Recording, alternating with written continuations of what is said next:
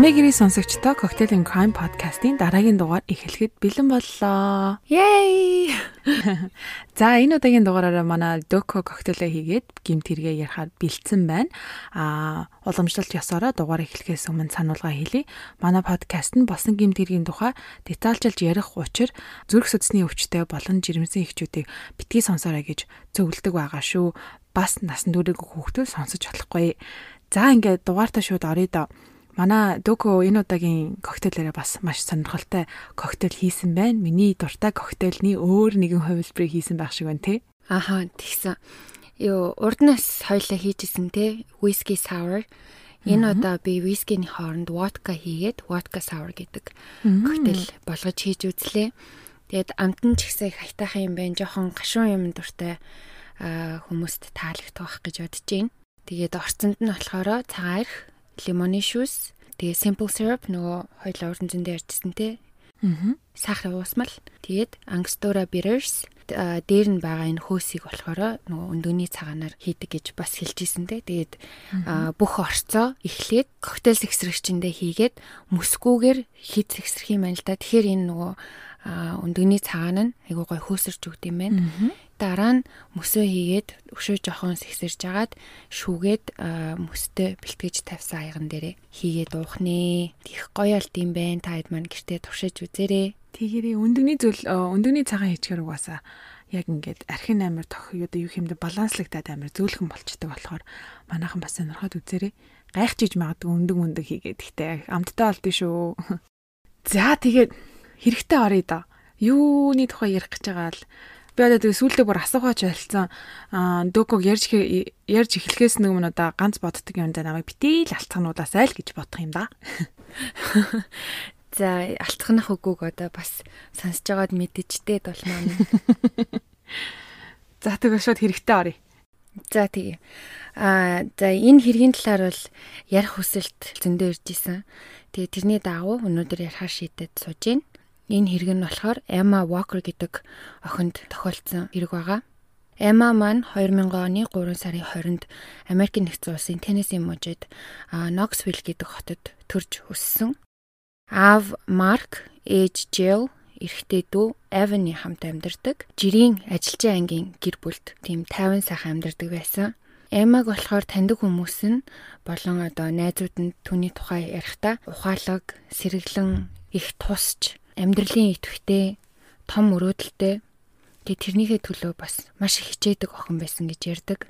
Ахлах сургуулийнхаа cheerleader буюу одоо Америк кинон дээр гардаг штэ ахлах сургууль болгон Америк хөл бөмбөгийн тим багтай.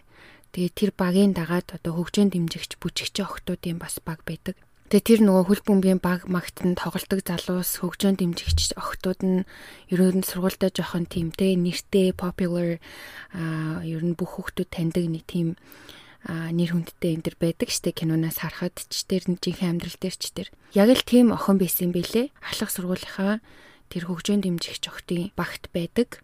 Маш онц сурдаг байсан болохоор сургуулийнхаа хүндэт сурагч хүртэл болж исэн их сургуульд орохоор нэг бол няраа хүүхдийн сувилагч, нэг бол малын эмч болно гэсэн зорилготой байсан.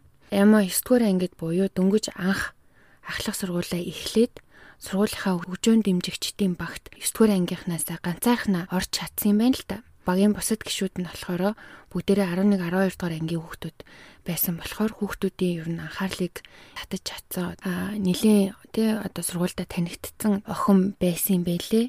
Тэгээ тэр жилдээ тэр хөл бөмбөгийн багийнхаа бас нэг жоохон сургуультай нэр хүндтэй Riley Gall гэдэг нэртэй өөрөөс нь хоёр ангиар буюу одоо хоёр насаар ах хүүхэдтэй холбогдож эхэлсэн. Тухайн үед болохоор Emma өөрөө 14 настай, Riley болохоор 16 настай байсан юм байна. Тэр хоёр бие биедээ маш хурдан тасаж, таталцаж байсан хэдий ч Riley найз охинтой байсан. Гэхдээ тэр хоёр танилцаад нэг удалгүй Райли Ямата үерхэхийн тулд найз охиноосоо салсан. За тэгээд тэр хоёрын үерхэл сургууль даяараа мэддэг одоо хинч харсан маш хөөрхөн тохирсон яг л нөгөө түрүүний хэлсэн шигтэй кинон дэр гардаг шиг л тийм хөөрхөн 10 жилийн хоёр хосууд байж л те. Одоо энтхийн 10 жилийн хүмүүс бас хоорондоо үерхэхээрээ одоо Монголд үерхдгээс жоохон арай жоохон задгаан чашийн гэхдээ одоо арай олны нүдний өмнө уягдаг штэ одоо нэгнийхээ гэрээр ордог гардаг хоёр талын ээж аауд нь маш сайн таньдаг болчихсон. Тэгэл тэрний адилаар энэ хоёр бас те би бинийхаараа байнга орч гардаг. Ээж энэ бүгдийг таньдаг. Тим харилцаатай байсан. Яг уу ерөнхийдөө бол энэ хоёрын харилцаа анхнаасаа нэг тийм баг саг асуудалтай маргаантай байсан бол энэ байдгал нормал зүйл гэж ямаа боддог байсан болохоор болжээ тэ бүтчихин гэж бодоод ингээ яваад идэгсэн гэж байна.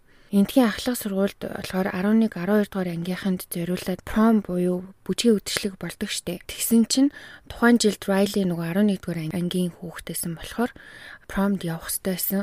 Тэгээ тэр промд бас одоо найзалж байгаа ч юм уу дуртай хүнээ дагуулж авдаг штэ. Тэгээ ууг нь одоо Emma-тай үер хичээж Emma-г дагуулж авах байтал X-гээ дагуулж явчихсан. Тайлбар нь болохоор X-тэйгээ үерхэж авах хугацаанд энэ жил би чамайг заавал промд дагуулж явна гэж амласан байсан учраас би амлалтаа биелүүлнэ гэж дагуулж явсан ба. Харин дараа жил би чамайг заавал дагуулж явна гэж Ямад амлсан. Энэ үйлдэл нь болохоор Ямагийн аав ээжд нь ерөөсөө таалагдаагүй. Инээс болж ер нь баг багаар ээж аав хоёр нь Райли дургу болж эхэлсэн юм байлээ.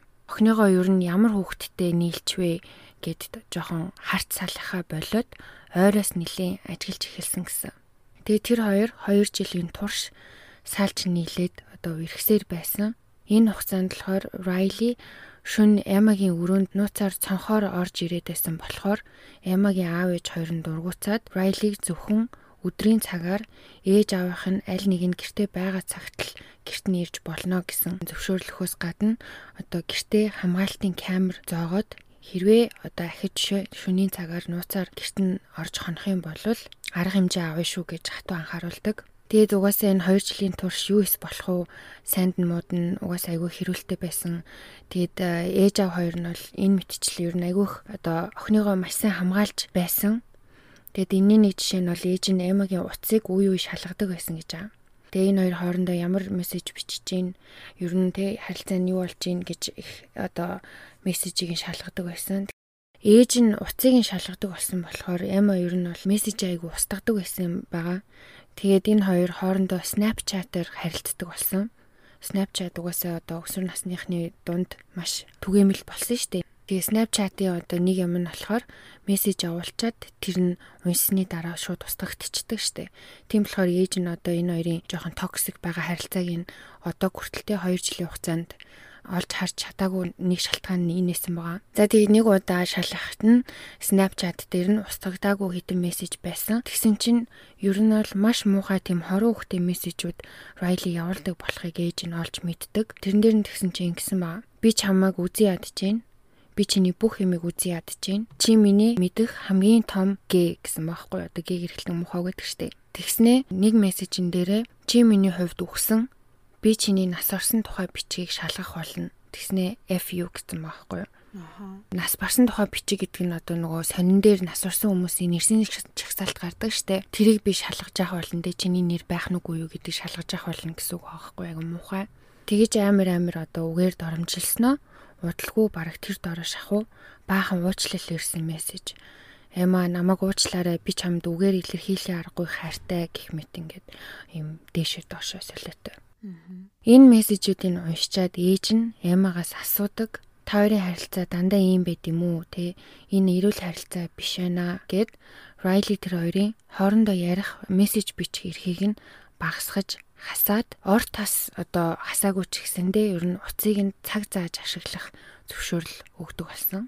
Гэсэн эдэж Райли аймад өөрийнхөө хуучин iPod-ыг өгөөд тэр нь болохоор нөгөө Wi-Fi орсон тохиолдолд хоёулаа мессежээр харилцах боломжтой. Тэгээ тэр хоёр нууцаар харилцаар байсан.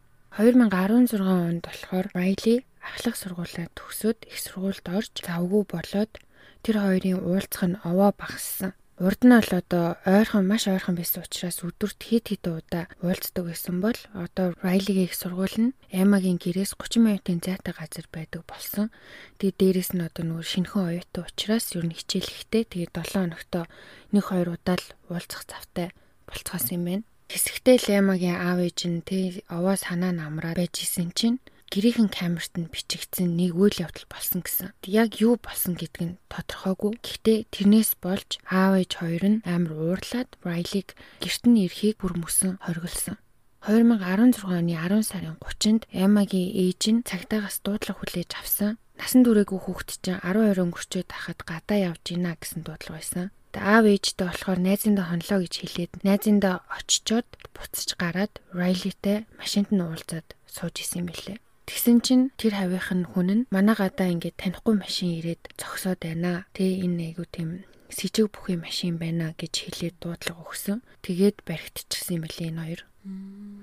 А энээс болж Эма гэрээ хорионд ордог. Ажилдаа явах, сургуультай явахаас бусдаар гэрээсээ хаашаач гарч болохгүй. Дээрээс нь уцаа маш бага ашиглах эрхтэй болсон. Дин удаагийн шийтгэл нь Эмад ер нь нэлийн хүнд цохилт болсон. Их ч юм бодож амжсан юм шиг байгаа. Даав ээжийнх нь зөв гэдгийг ухаарад Райлигаас салахаар шийдсэн гэдгээ найзуудтай ярьж эхэлсэн баг. Гэхдээ шууд бас салчих болохгүй баг багаар одоо өөрөөсөө холдуулна гэж төлөвлөсөн хэсэг хугацаанд Эма буцаад хуучны ад жаргалтай одоо хүүрхэн тийм нормал охин болж Айстан ч гэсэн өөрчлөгдөөд одоо урд нь Райлитай үерхдэг байхдаа өрөөндөө буугээд ерөөс өрөөнөөсөө ч гардггүй хоолоо гэрийнхэн тгийж иддгүү өрөөндөө л иддэг ч юм уу те гэрийнхэн тгээ ерөөс юм яриха болоод өрөөндөө л байж идэг болчихсон байсан бол одоо ингээд буцаад хөөх нөгөө жоохных шигэ гэрийнхэн тгээ илүү цаг өнгөрөөгөөд орой олоо өдрийн олоо гэрийнхэн тгээ сууж иддэг болоод тэгээ хамт зурагт үздэг болоод ингээд инээж ханиадаг болж эхэлсэн гэж аа. За тэгээд 2016 оны 11 сарын 13-нд Эма Райлигаас салъя гэдгийг хэлсэн. Гэрийн хороонд байх надад амар хэцүү байна тий хаашаач гарч болохгүй байна. Одоо ингээд нэлээд хэсэг хугацаа өнгөрлөө. Би одоо энэ бүхнээс залхаж чинь чамаас ч ихсэн ингээд салах хэрэгтэй юм байна гэд салъя гэдгийг хэлдэг. Тэгээ Райли бол угаасаа ойлгомжтой энэ шийдвэрийг нь маш одоо хэцүү ер нь бол амар хэцүү хүлээж авсан ерөөсөө огт хүлийн зөвшөөрөөгүй.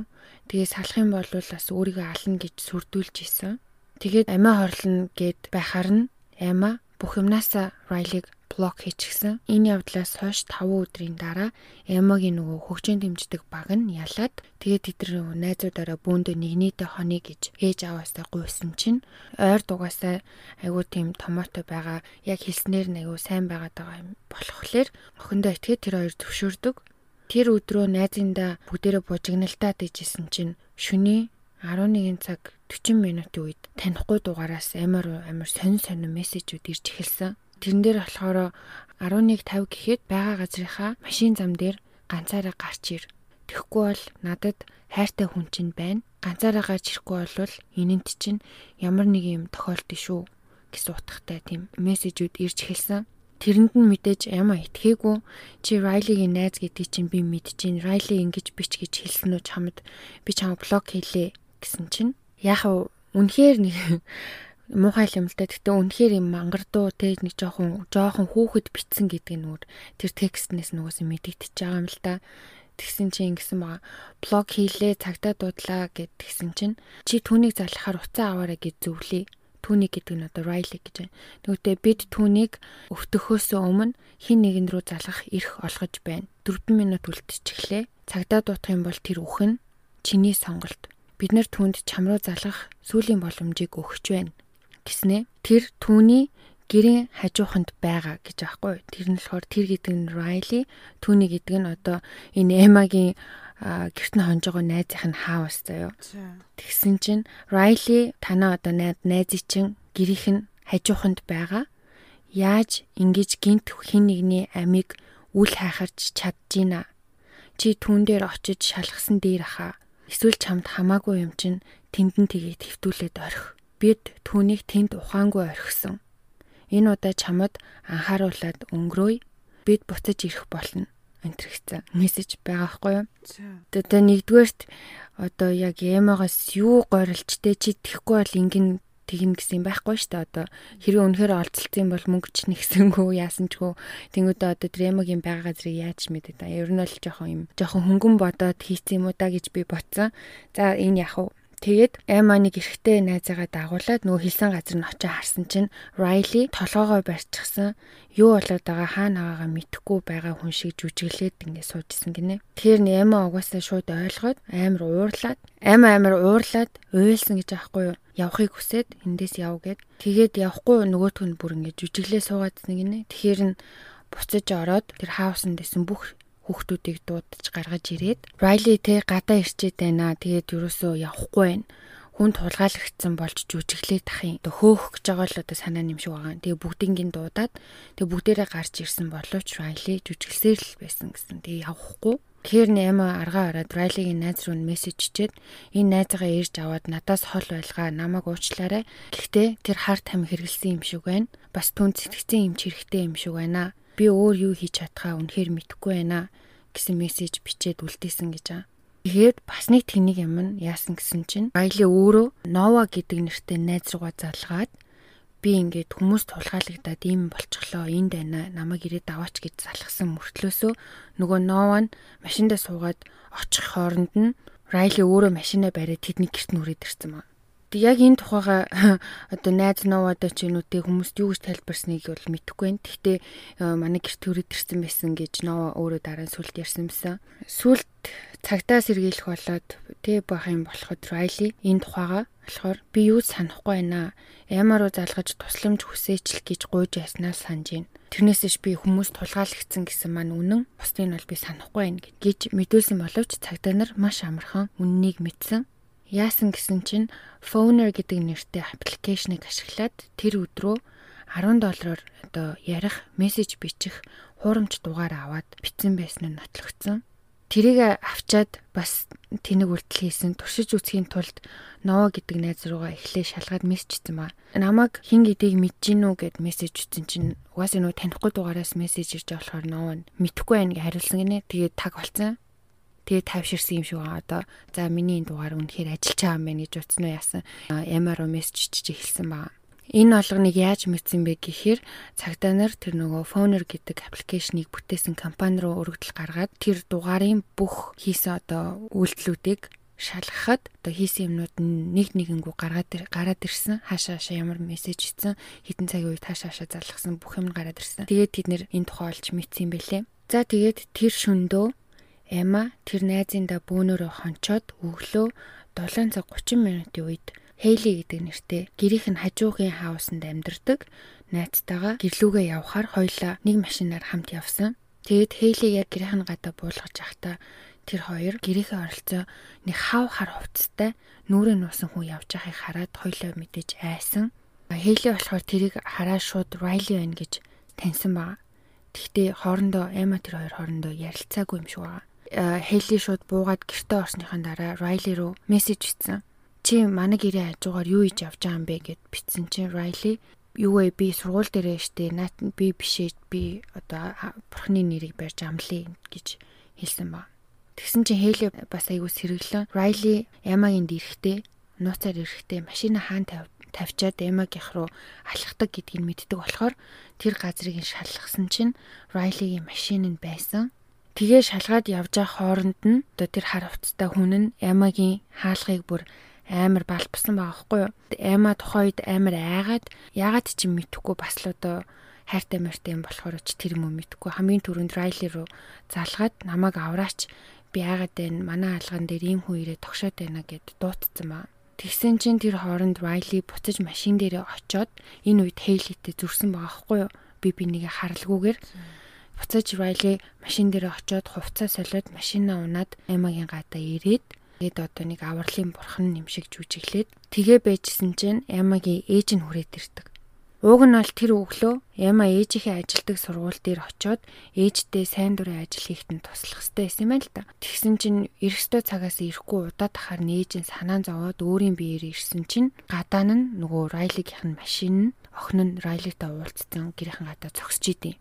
Тэгээ мэдээж ээж нь Райлиг харч шууд хөөж явуулаад юу болсон тухай охинтойгоо ярилцдаг. Ээж нь болохоор нөгөө найзындаа хонсон айлын ээж автай найлуужи холбогдоод одоо урчин юу болсон тухай Райли яасан тухай алиужээ сонссон байсан. Тэгээд Эма сая дээрээс нь одоо юм хар хувцтай хүн байсан гэсэн тэгсэн гээд хэлээд тэгээд ер нь ингээд жоохон сонь сонь юм тохиолдоод байгаа учраас анх удаа эдний гэрийнхэн гэрийнхээ одоо тохиолын системийг асааж тэр шөндөө хонсон байдаг. Маргааш өглөө нь Эма 12-аас ажилдаа яваад 5 гэд гэртээ ирсэн. Тэгээ явхад нь болохоор ээж нь машинаараа машины нараас нь дагаж явж хүргэж өгөөд эрэхт нь болохоор аав нь машинаараа дагаж явж бас гэртээ авчирсан ба. Райли болохоор энэ өдөр буцаж уулна одоо коллеж руугаа явах хэрэгтэй байсан бол яваагүй Knoxville-тэй одоо найз нөгөө Новагинд байж агаад шүн 11 цагийн үед маргааш гэхэд нэг эсээ бичиж өгөх хэрэгтэй болохоор явж хичээлээ хийлээгээд коллеж руугаа явсан. Очичоод хамт байдаг найзынхаа уцыг гуйж аваад Эматай холбоо тогтоохыг оролцсон боловч одоо Эма олигтой хариу өгөөгүй. Райлигийн цагдаад мэдүүлэг өгж байгаа бичлэгэн дээр болохоор тэгж хэлж илээ. Би түнд ямар их хайртайгаа хэлээд эргээд нийлхийг гуйсан. Гэхдээ тэр надад хичнээн хайртай ч гэсэн эргэж нийлэх хүсэлгүй байна гэж хэлсэн гэж хэлж илээ. Миний ойлгосноор бол ингэсэн байгаа хгүй юу шүн очоод тэр хүүхдийн уцыг гуйж аваад аймаа руу залгасан чинь аймаа одоо гиндээт ч гэдэм үү ягаад ч юм уцаа авцсан байгаа. Тэгээд ярихдаа одоо энийгээ хэлээ те би чамд хайртай ойлоо буцаа нийлээ гэсэн чи аймаа үгүй одоо би чамд хичнээн хайртай ч гэсэн нийлэхгүй гэж хэлээд тасалсан юм шиг байна. Тэгээд тэр доор нь ардаас нь нийтдээ хэдхэн минутын дотор 11 текст мессеж 40 удаа залгаад 13 удаагийн voicemail буюу одоо дуучууд үлдээсэн гэж байна. Бүр солиотой.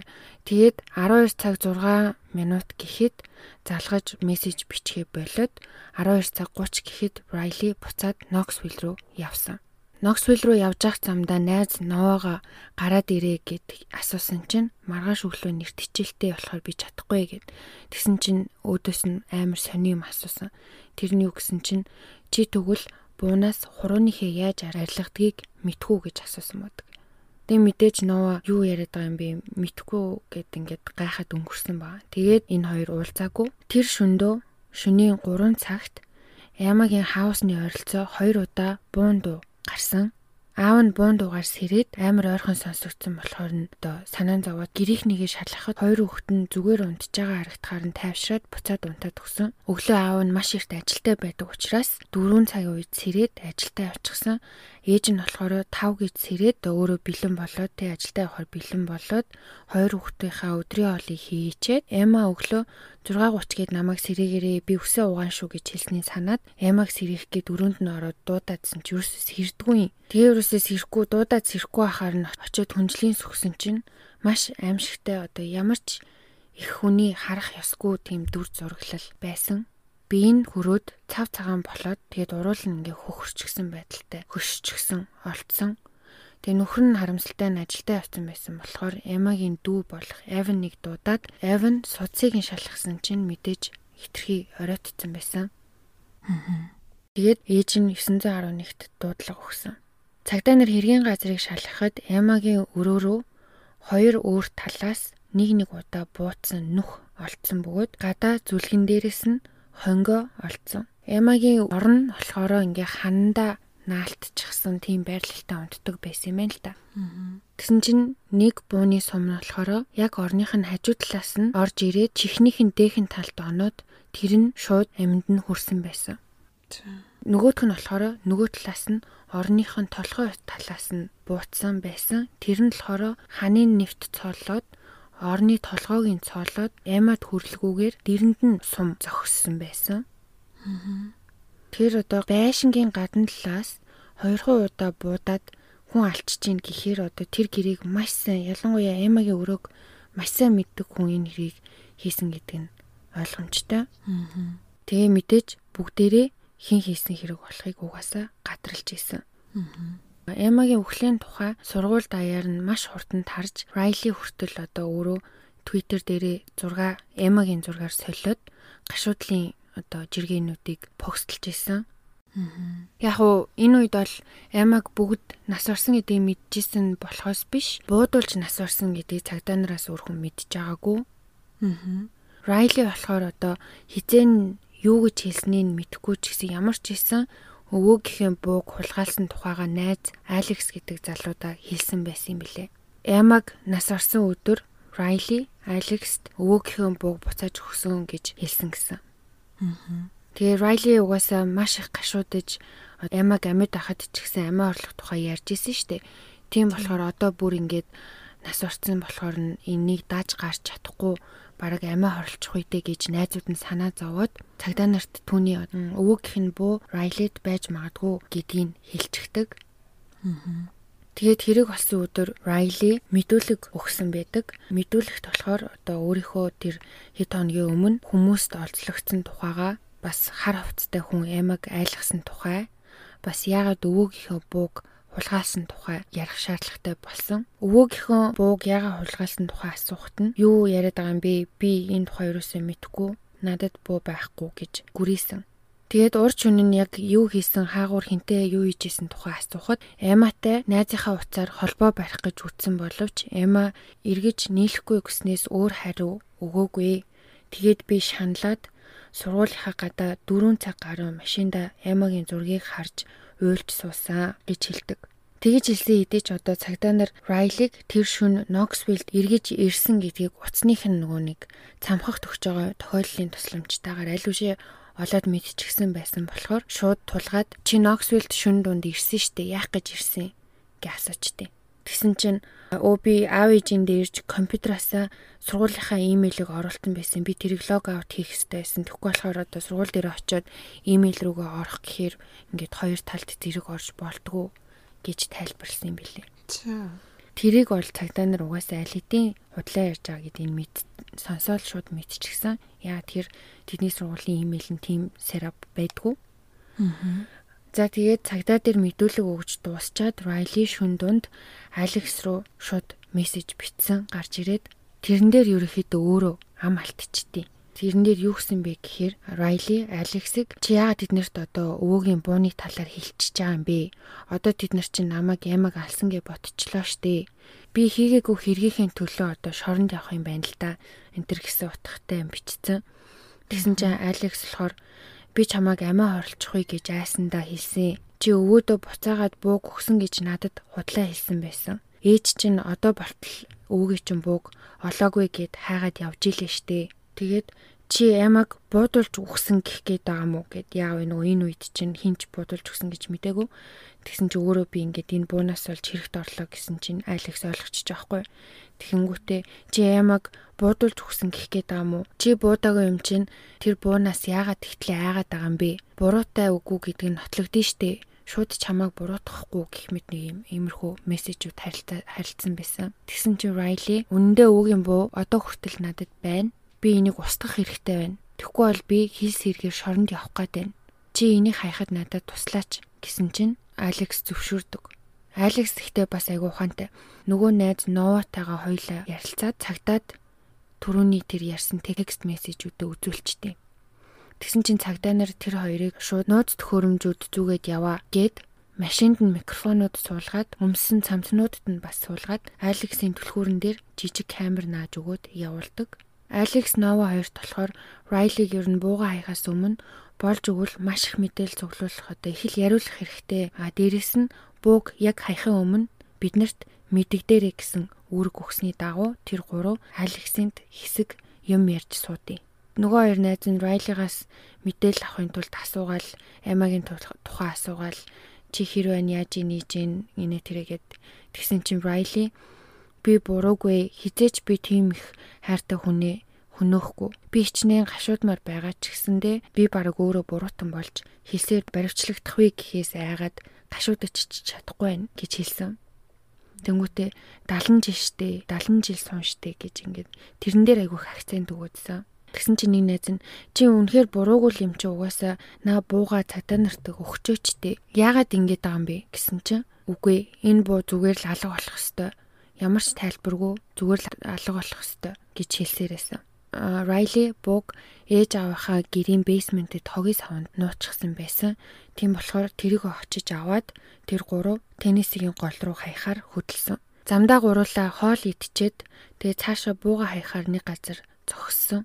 Тэр үед Райли бууг гаргаж ирээд үзүүлсэн чинь Нова шууд цагдаа нарт дохио өгчдөг.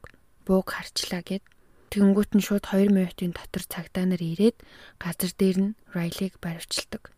За тэгээ Райлигийн шүүх хурал эхлээд хамгийн ихний шүүх хурлаар Райли болон Райлигийн өмгөөлөгч нар нь хэрэгт буруугүй гэсэн байр суурьтай байсан. Өмгөөллийн багийнхан яагаад буруугүй гэж байгаа тайлбар нь бүх хүмүүсийг шоконд оруулсан байдаг. Тэр нь болохоор Райли буутахын үед бол бууцсан. Гэхдээ Эмаг алах зорилго нь байгаагүй. Зүгээр жоохон айлгаад өөрөө бас тэ аврагч баатар нь мэт болох гэж байсан. Бууны сумыг хан нэвтлэнч гэж мдээгүй. Энэ бол санамсаргүй явдал, санаатай аллага бишээ гэж маргаад тэгээд санаатаагаар хүн алсан хэрэгт унах юм бол тенниси мууж насаар нь тойрох ял өгд юм байна л та. Харин санамсаргүйгээр алсан хэрэгт унах юм бол хитгэн жил суугаад тэгээ нэг баахан одоо төлбөр тооцоо төлөөд тэгээ болчт юм байна л да. Тийм болохоор галзуу X те сэтгцэн нэрүүл биш. Ийм болохоор X-ийн анхаалыг татах гэж агаад ийм зүйл болчлоо. Тэрнээс биш яг алий гэж алаагүй гэж маргаж исэн юм билээ. Шүүхээр түүнийг санаатаа алсан гэж үтсэн учраас насаар нь хойрох ял оноосон. Райли 70 нас гарч иж батлан даалтаар гарах боломжтой одоо эрэхтэй болно. Энэ нас гарна гэсэн үг биш шүү дээ. Зүгээр эрэхтэй болно. Тэгээ яг надад бас гоё санагдсан ч юм уу амар сэтгэл үлдээсэн юм нь Эмаг Knoxville хотынхан болон сургуулийнхан нь маш хүндэтгэлтэйгээр салахаас хийсэн юм бэлээ. Тэгээд ер нь одоо хүртэл бүгдээрээ дурсаж санаж явдаг нь айгүй гоё санагдсан. Тэгээ Ямагийн сургуулийн төгсөлтийн баяр нь болоход хүндэтгэлтэйгээр найзуудынхын дунд хоосон санал дээр нөмрөг малгай энтрийн тавиад тэгээд аав ээжд нь ахлах сургуулийнхын дипломыг нь гардуулсан юм билээ. Аа сургууль нь нас түүний нэр дээр тэтгэлэг бий болгосон. Дээрээс нь бас нөгөө нэраа өхтийн сувилагч болох хүсэлтэй байсан гэж хэлсэн шүү дээ. Тэгсэн чинь Knoxville-ийн нэг нэраа эмнэлэгт түүний зурагтай тийм чагнуур энтертэй тийм жааз өлгөөтэй байдаг гэсэн. Бас түүний нэрэмжид Honey Park байгуулснаас гадна түүнийг дурсаж одоо Чернелийн ягаан өнгийн зүрхээр одоо хүртэл Twitter дээр жирэгдэг хүмүүс байдаг. За тэгээд нэг ийм токсик харилцаанаас үүссэн маш харамсалтай хэрэг байна. Үнэхээр хоёрын хоёр сайхан одоо хүүхдүүд ингээд нэг нь амиа алдаад нэг нь насаараа одоо шоронд хоригдохоор болчлоо ш тий. Аа. Бас үнэхээр харамсалтай. Энэ тэгтээ Riley бас нэг юм сэтгэл зүйн догтлолтой байха. Амар тийм obsessive тийм бүр донтцсон юм шиг тий. Тэр их чи нэг тийм OLD гэж байдаг гэж сонсч исэн. Тэр нь болохоор одоо obsessive love disorder гэдэг нөгөө хайртай хүн хүнийгээ бүр амар харамлдаг яг өөрийгөө ботцсон. Юм болгоноос ингэж харамлдаг юм болгонтэй хартдаг. Хүн болгонтэй хартдаг тэгэл өөрийг нь хаяад явч зүг зүгээр нөгөө хүн нь одоо юу хэмдэ 10 ургаар нь яваагүй одоо ямарваа нэгэн тийм сэжиг бүхий зан гаргаагүй байхад дотроо нөгөө толгоон дотроо бодчихидэг энэ ингээ намайг хаяа явчих үү дээ энэ надаас салчих үү дээ өөр хүнийг болчих үү дээ би ингээ ганцаараа үлдчих үү гэдэг. Тэгэж нөгөө нэг бүр амар obsessive бүр ингэж бодож өөрийгөө шаналгаж байдаг хүмүүс байдаг байдаг. Угаасаа байдаг ч гэж. Байдгийн билээ. Тэгээ тэдний нэрлсэн тийм OLD гээд а юу он шиг гэх юм уу та. Энэ Riley яг тийм бисэн юм шиг санагдлаа. Аа. Тэгэл салыг хитэн салахгүй тий ямар амар токсик юм бэ? Харин тийм. Тэгээ харамсалтай нь бит хоёрт ч гэсэн иймэрхүү мессежүүд болон одоо комментууд үе үе харагдаж байгаа байдэн штэ. Одоо би хизээ нэгэн цагт одоо найз залуухийн гарт амиа алдах ах уу гэдэг юм. Тэрийгэ бүр ингээм амар casual те юу ч болоогүй юм шиг ингээ биччихсэн ч юм уу. Одоо эсвэл манай хүн маш хартай одоо яахаа мэдэхгүй байна мэн гэсэн тийм мессежүүд маш хийрдэг харамсалтай нь битээ нөө сэтгэл зүйч ч юм уу сэтгэл засалч биш болохоор тэр болгонд тэгээд нэг амар хариу өгөөд ахыг хүсдэггүй. Ийм харилцаа бол угаасаа маш их байдаг гэдгийг одоо хүн болгон мэдж байгаа ах тий. Яг өөрт чинь биш юма гэхэд одоо ийм харилцаанд байдаг найзуудаа бас мэддэг бах. Нэг хүнтэй үерхлээгээд найзуудаасаа холбоогоо тасалдаг. Эсвэл одоо амар цаваас ирүүлээ хөхтэйсэн бол бүр нэг юм унжисэн хүн болцсон байдаг тий. Тэгээ нэг жоохон арчаагаа алдахын цаашаа нэг жоохон гундуу болчдөг. Аа иймэрхүү шинж тэмдгүүд байдаг гэж сонсч ирсэн. Одоо toxic одоо toxic харилцаанд байгаа хүмүүсийн хувьд тийм учраас хэрвээ таны одоо таньдаг ор дотны хүн одоо иймэрхүү шинж тэмдэг илрээд байвал ярилцаж үзвэл ямар вэ? Зөнгөөр нь хаячдаг те. За за энэ ингээ бидраас холбоогоо тасалчж байгаа юм чинь бид нэр ингээд яадын ч гэдэг юм уу. Тэгэж хайж агаад одоо найзд нь ямарваа нэг юм халтаа алганы цаана болж байх вэ? Одоо найзуудыгаа бас жоох ойроос хүй хай гэд ярьцдаг байвал зүгээр юм л гэж бодлоо. Тэгээд санаа тавьж тий одоо ямагийн ээж нь уцыг нь тгий шалгадаг байжгаад тэр муухай амир амир дарамттай мессежүүдийг олж уншаагүй илүү ингэж ойрхоноос хараагүй байсан болвол бас тусгаарлаагүй байсан болвол яма бүр магадгүй бүр эрт яваад өгөхсэн юм билүү. Миний хувьд бол энэ яма ээж аав хоёр нь бол маш сайн ууг нь тэг хэрэндээ л үргээ гүйцэтгсэн гэж бодож байна. Тэг харамсалтай нь үнэхээр харамсалтай. Тэгэхээр харамсалтай.